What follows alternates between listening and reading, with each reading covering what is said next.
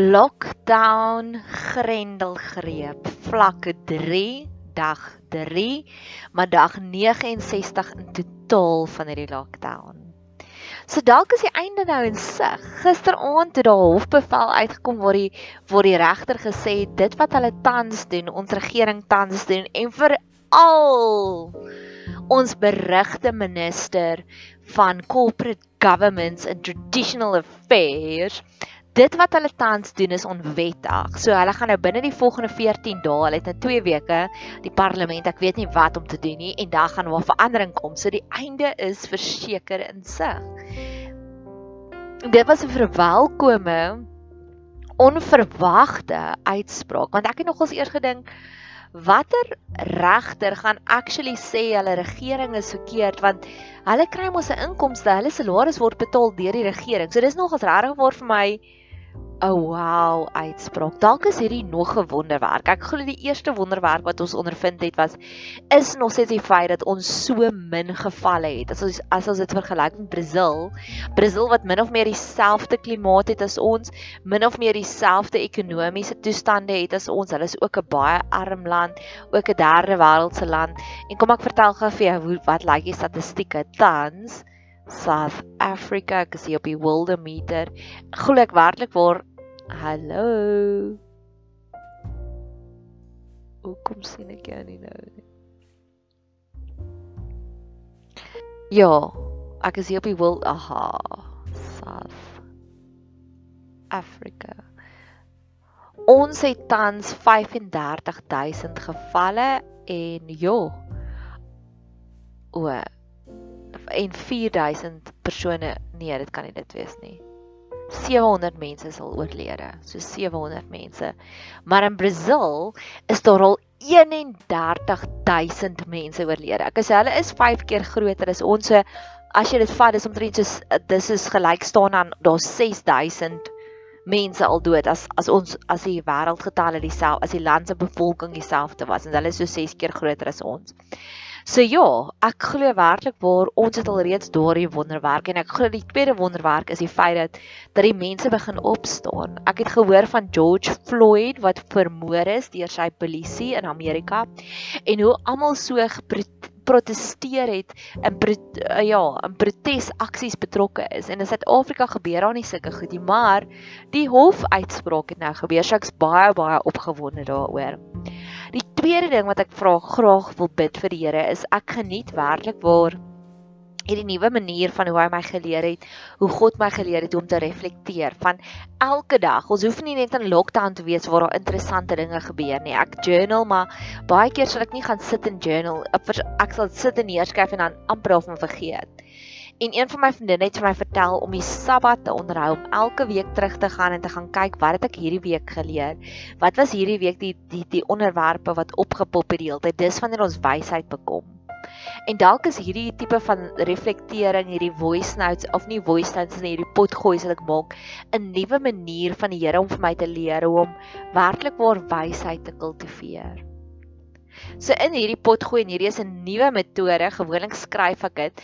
Nou het ek dit begin tik en ek het gisteraand probeer om stories te skryf, maar toe dit nie lekker gevloei nie, tog ek wil dalk is dit nou nie die, die manier hoe ek dit wil doen nie, maar ek wil graag hieroor praat. Die eerste een is 'n kar storie. Ek was in 'n baie in 'n baie geseënde posisie waar my pa het my heel eerste kar vir my gekoop. Hy het dit vir my as 'n geskenk gegee. So, so die oomblik toe ek begin werk het, toe het ek nie die ek het nie 'n gerede gehad om te bekommer oor 'n kar paaiement nie. So dit was 'n baie groot seëning. En ek en my pa het altyd effens koppe gestamp daaroor want hy het gesê jy jy kyk nie mooi genoeg na jou kar nie. Jy moet meer die kar invat vir 'n die diens en ek's 'n girl en ons in kardienste werk nie goed nie. En kort daarna, nadat ek vir 'n paar jaar gewerk het, het ek besluit om vir myself te bederf met 'n nuwe kar en ek moes self daardie paaiemente betaal.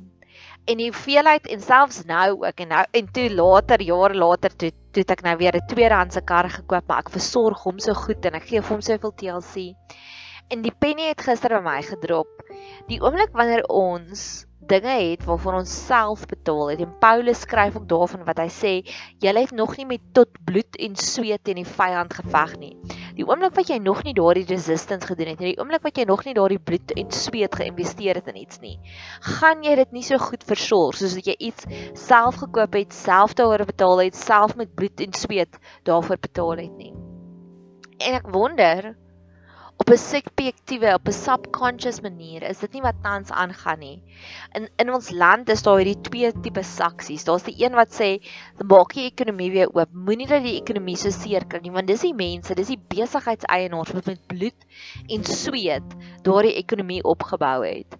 Versus die regering, die regering wat basies van die vorige partye het hulle net hulle het net hierdie goue skinkbord gekry met hierdie ekonomie wat gewerk het en hulle het nooit self daarvoor gewerk nie. En indien ek reg is, indien dit so geval is want dit is wat my pa gesien het, my pa met al die wysheid en hy het soveel kind met my geraas en ek het dit nie besef totdat ek self daardie karpaaiemente gebetaal het nie. Mag die Here asseblief ons kom help tans. Mag die Here asseblief daardie wysheid kom gee in die mense wat die besluite moet maak oor ons ekonomie. So dis die eerste ding wat ek graag voor die Here se voete wil gaan neerlê. Die tweede een is 'n meer positiewe storie. Ek is 'n mondhygiënis en ek het maandag het ek hierdie pasiënt gehad, twee boeties en die kinders het die mooiste maniere gehad, nê. Nee, hulle het vir alles gesê, "Yes, ma'am, no, ma'am, okay, ma'am, I'm okay, ma'am." En ek kan onthou die beste manier waarmee ek hulle kan vergelyk is jare terug het ek 'n wonderlike voorreg gehad toe ek event management gedoen het om die Drakensberg se seunskoor te bestuur is een van die kunstenaars wat opgetree het by 'n groot fees wat ons gereël het en ek het baie ander kunstenaars ook gehad en die al die ander kunstenaars het daar die chip op hulle shoulder gehad nê. Nee, hulle het soos my laat rondhardloop dan soek hulle Liquid Fruit dan soek hulle dit in vergelyking met die Drakensberg se seunskoor. Hierdie groep kinders was net hulle was uit die fees om te bestuur want hulle het alles waardeer. As ons spaghetti bolognese gegee het vir hulle vir aandete, het hulle dit gelief en hulle het elkeen individueel vir my kom dankie sê asof ek die kos gemaak het en ek het glad nie. En En al die ander kunstenaars het regtig waar hierdie lang lys van verwagtinge vir my gegee van dis wat hulle in hulle kamer soek waar hulle moet aantrek. Waar die Drakensbaar se seuns hoor het nie een verwagting vir my gegee nie. Hulle het net kon dankie sê. En hierdie twee kinders wat ek gehad het as pasiënte, hulle was ook so maklik. Waar almal anders, al my ander pasiënte het ek gevoel ek moet na hulle pype dans en my hierdie twee pasiënte was net so maklik. En op 'n stadium toe sê ek vir die een jonger boetie, toe sê ek vir hom weet jy wat you are a delight to work on en dadelik drop die penny weer eens by my daar's dit die belofte in Jesaja waar God ook sê my welbehae is in jou. Jy is my happy place. Jy's my delight om jou saam tyd te spandeer. En mag en eers toe ek daardie vergelyking getref het tussen al my ander pasiënte van daai dag en waar die twee kinders wat so lekker en maklik was, het ek besef maar dis wat die Here elke dag vir ons sê, wat hy vir ons sê van al die plekke waar hy kan tyd spandeer, ons is sy delight. En dis hoekom die Bybel sê bid geduldig, want dit is vir God so lekker. Ons is God se Drakensberg seunskoor. Van almal anders wat net vir hom resistance gee, die oomblik wanneer ons kom sê en kom dankie sê, is ons God se Drakensberg seunskoor. Ons is sy delight. Ons is sy twee lekker maklike pasiënte soos ek gehad het. Mag jy dit daagliks besef dat God sê elke dag vir jou, jy is my happy place. Jy is my lekker plek. Ek geniet dit om tyd by jou te spandeer.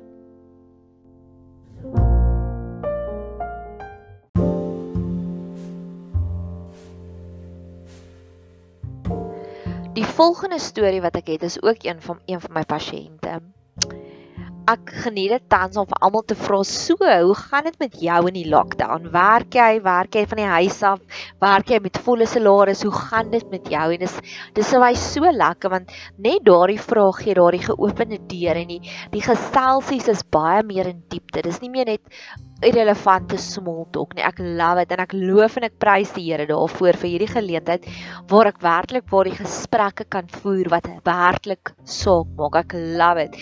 Ek love die feit dat ons almal in dieselfde posisie is, dat ons dieselfde dinge het waarna ons uitsien, dieselfde dinge wat ons verlang. Ek geniet dit so baie. Ek geniet juis daardie goue puntjies in hierdie chaos. En ek vra vir hierdie persoon hy sê vir my Nee, hy's tans by die huis En ek sê, "O, okay, wat se werk doen jy?" Nee, verduidelik hy vir my met 'n lang ompad.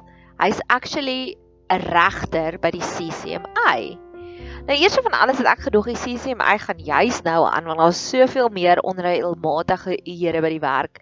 Nee, maar sien tweede van alles het hy vir my gesê toe vra kom, "Is jy in die posisie waar jy waar jy nou werk nou pay?" En hy sê vir my, "Ja." En ek sê, "Oh, shame. Um, hoe oorleef jy dit, nê?" Nee, Verstaan want ek het dit al vir baie mense vertel of gevra en sê hulle wel my vrou werk of ek het dit of ek het dat of En hierdie persoon se antwoord was net God provides en ek sê amen daaroor. Maar na die tyd toe ek gaan stil raak, toe dink ek vir myself, dis hoogs onwaarskynlik. En ek wonder hoe voel God daaroor? Ek iets van daardie gesprek het al vir 2 dae lank wat dit amper by my spook want een, hy is in die in die posisie waar hy kan van ters geld afklim sy BE status is reg, alles is reg. En tweede van alles kan ek amper nie dink dat die CCMA nie hulle regters betaal tans nie. So daar's da net soveel onreëlmatighede daarin en maar die dieper vraag wat ek wil vra is daar's die daar's die skrifgedeelte in Jesaja of Jeremia wat sê woe to those who call good evil and evil good. En nie dat ek sê dis wat hy doen nie, maar Hoe voel God daaroor as jy jok, maar jy gee vir God die eer? Want ek glo op 'n manier kan ek amper nie dink dat hy nie 'n inkomste kry nie. Ek het al hierdie storie met 'n paar van my vriendinne verduidelik en hulle almal deel ook my ongemaklikheid met sy hele storie en hoe voel God daarvoor? Dis so goed soos ek steel geld en ek sê, "Ja, kyk wat dit God vir my voorsien." Ek weet nie. En dalk dalk oor 'n paar maande voel ek anders hieroor en ek het al gedink om dalk bietjie meer navorsing hieroor te doen. Ja, ek wonder net hoe voel God daaroor as jy jok en as jy sy naam daarin strek en dalk is dit wat God bedoel het om te sê jy mag nie you are not allowed to take the Lord's name in vain. Dalk is dit wat die Here bedoel het. Maar iets van daardie storie pla my net. So dis my derde reflekteringspunt. So die eerste een net om saam te vat was die kar storie, die oomblik wat jy met sweet en bloed aan iets gewerk het en dan waardeer jy dit meer, jy versorg dit meer. Die tweede een is ons is vir God 'n delight en ek het die storie vertel van die Drakensberg se seunskoor.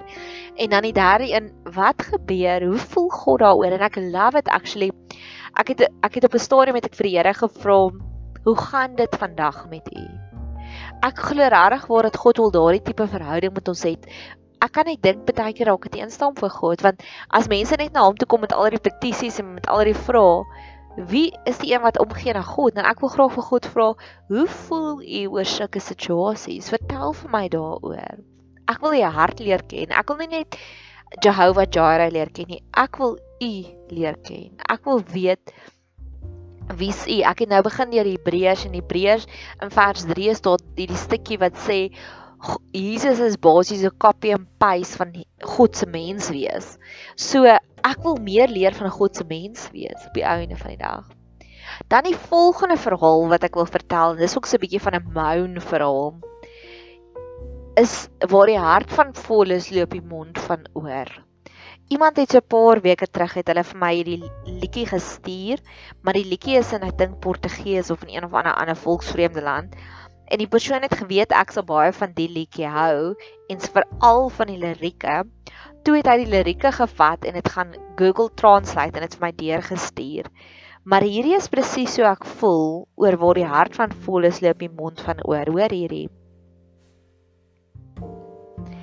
I wish that at least at least once I prove that those who have more than they need always almost always convince themselves that they don't have enough and that they talk too much because they've got nothing to say.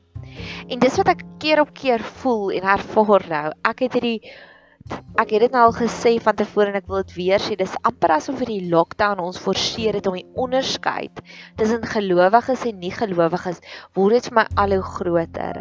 Ek het hierdie awesome mense wat ek weet wat ware gelowiges is, wat tans nie eens 'n inkomste verdien nie, maar wat tans kospakkie projekte het om vir ander mense kos te gee. En dan het ek ander mense wat vol salarisse verdien en wat amper sommer 'n bietjie gegroei het finansiëel gedurende die lockdown omdat hulle nie vervoerkoste het nie of wat ook al die rede is en dan's hulle die mense wat heel eers te my ore sal kom kerm oor al die uitgawes wat hulle nou ewe skielik het. En dan luister ek nou maar net en dadelik aan dink ek aan hierdie storie en dink ek myself weet jy wat en mens kry mos net sekere mense ek sê mos daar sekere mense vir wie dit help nie eens meer om met hulle te stry nie al wat jy kan doen is net om hulle te bid en hierdie een persoon wie ek dink is regtig vir een van daai dit help nie eers om vir te sê hoor jy maar besef jy in watter geseënde posisie is jy eintlik nie en dis werklik waar ek dink dit is 'n siekte waarna jy ly dat jy dink jy het altyd hierdie vrees ek het nog steeds nie genoeg nie. Waar mense wat al reeds deur die do donderstorms is. Ek was op 'n stadium ek het 3 maande terug, einde Maart het ek net 2/3 van my salaris gekry want ek werk vir kommissie en dit is stil. Toe het ek in April niks salaris gekry nie. Toe het ek einde Mei weer net 2/3 van salaris gekry. En ek kan nie sê dat ek het te min nie. Dit dit is die beauty van dit waar ander mense soos hierdie persoon aan wie ek spesifiek dink het deur dit alles vol salarisse gekry. Sy en haar man en haar kind het nou ewe skielik begin werk so daar's 'n ekstra inkomste in die huishouding wat nie voor die lockdown daar was nie. Dan dink ek myself wie is dit so hartseer as jou lewe so boring? Is jy is daar soveel dood? Emosionele dood dat alwaar jy kan praat is die tekort wat jy sien wat jy moontlik kan hê. En ek wil dit ook voor die Here se voete gaan neersit want Here, ek weet nie meer wat om dit te doen nie. Ek weet regtig nie meer en ek en ek weet op 'n stadium het ek gesê ek voel soos Jane Goodall wat sy die sjimpansees bes, uh, gaan bestudeer het. Maar ek sien dit nou en ek sê Here, gaan help asseblief. Dis al wat ek eintlik wil vra. Dan die volgende ding wat ek graag, die volgende storie wat ek het gekyk, hulle kon tyd. Is die storie van OCD ek is besig om deur Grey's Anatomy te kyk. En in Grey's Anatomy is daar later aan spoiler alert kry Miranda Bailey word sy gediagnoseer met OCD obsessive compulsive disorder. En een van die dinge wat hulle hoe hulle haar gediagnoseer het is sy moet 5 steke insit, maar dan gaan die sielkundige en die sielkundige maak haar skinkborde van van instrumente verskriklik te mekaar. En dan sê die dan sê die sielkundige vir jy moet 5 steke doen, maar jy mag nie daardie skinkbord eers regpak nie. En dan sy sukkel om te konsentreer. Sy sukkel om te konsentreer want sy het so erge OCD. Al wat haar oë sien is die te mekaar skinkborde. En ek wonder hoe hoeveel van ons sukkel nie met OCD nie. Ook waar ons kan nie in die perfekte plek inkom nie want ons fokus soveel op die ander dinge wat in chaos is. En ek wil dit ook voor die Here se voete gaan neerlê want ek het ook 'n sekere rotine. Ek het ook so 'n bietjie OCD. Daar's sekere dinge wat perfek moet wees voordat ek kan skryf, voordat ek kreatief moet wees. En nie dat dit netjies moet wees nie, maar daar's sekere dinge soos daar was al kere wat ek baie keer dan word ek honger en dan dink ek, "Ag oh, nee, ek gaan nie nou kan konsentreer nie. Ek moet nou eers gaan eet." En ek wil dit ook voor die Here se voete gaan neerlê om te sê, "Here, kom help my asseblief want ek ek weet hoe lekker voel dit die oomblik wat ek deurdruk en die podcast maak of die, ek deurdruk en die Bybel navorsing doen. Iets in daardie toneel van OCD het net so sin gemaak. En ek weet nou met die huishulpe wat weg was, was daar van my vriendinne wat ook gesê het hulle sukkel om hulle werk te doen want die huis is te mekaar. En ek wil asseblief kom vra, Here, kom help ons asseblief daarmee. ek dink ek gaan nog eenetjie maak van ja, so dis die einde van hierdie verhaal. Ek wil net weer saamvat. Die eerste een was die kar storie wat ek vertel het, die oomblik wanneer jy self met bloed en sweet aan iets gewerk het, dan gaan jy dit outomaties beter versorg. En ek het gevra, Here, indien dit die geval is met ons ekonomie en ons regering, kom help ons asseblief. Daar's dit die woordjie God speed wat net beteken mag God net vinnig kom help en dis wat ek die hele tyd vir hom kom vra vir God wil kom vra. Dat ek die storie vertel van die kind wat de delight was by my spreekkamer en dit ek gesê ons is elkeen God se delight. Mag ons dit net meer en meer besef. Toe ek die storie vertel van die CCMA regter en maar wanneer neem ons die Here se naam in wyn? Is dit 'n geval van daarin? Toe ek 'n storie vertel van waar die hart van Voldus loop die mond van oor van die persone wat nog steeds glo hulle het 'n tekort alhoewel hulle eintlik nie 'n tekort het nie. En ek het afgesluit met OCD. Mag die Here ons kom beskerm sodat ons werklik waar net kan fokus op die dinge waarop ons moet fokus. Op die dinge waarop ons moet fokus. Ek wil gou-gou 'n storie daarvan vertel. Jakob het uh, op 'n storm toe hy wou weggetrek het van sy oupa of van sy oom Laban af. Toe hy met sy oom Laban 'n ooreenkoms gemaak om te sê al die beeste en skaap of skape en bokke wat kolle of spikkels op het, is syne, is is Jakob se. En die res wat plein is, is die oom se. So so het hulle so hulle hulle welvaart gesplit. En toe het Jakob gegaan en hy het vir al die sterk skape en beeste, skape en bokke, het hy hierdie palle gemaak met kolle op, nê? Nee? So as daar dan 'n swanger mamma gekom en dat hy hierdie paal gehad met die kolle op en dan sien sy dit en dan kraam sy twee babatjies met skaap met kolle of spikkels op. En dit is my so 'n 'n far fetch, dis amper 'n magical story en die dit wat ek daarvoor wil terugvat wat ek wil terugbring huis toe vir ons is dit wat jy voor jou sien is wat jy gaan word. So met ander woorde met die OCD storie as ons uit die chaos gaan sien is dit wat ons gaan word. En ek wil graag hê Here, laat my asseblief fokus op die dinge waarop ek moet fokus. Mag jy 'n super geseënde dag hê verder.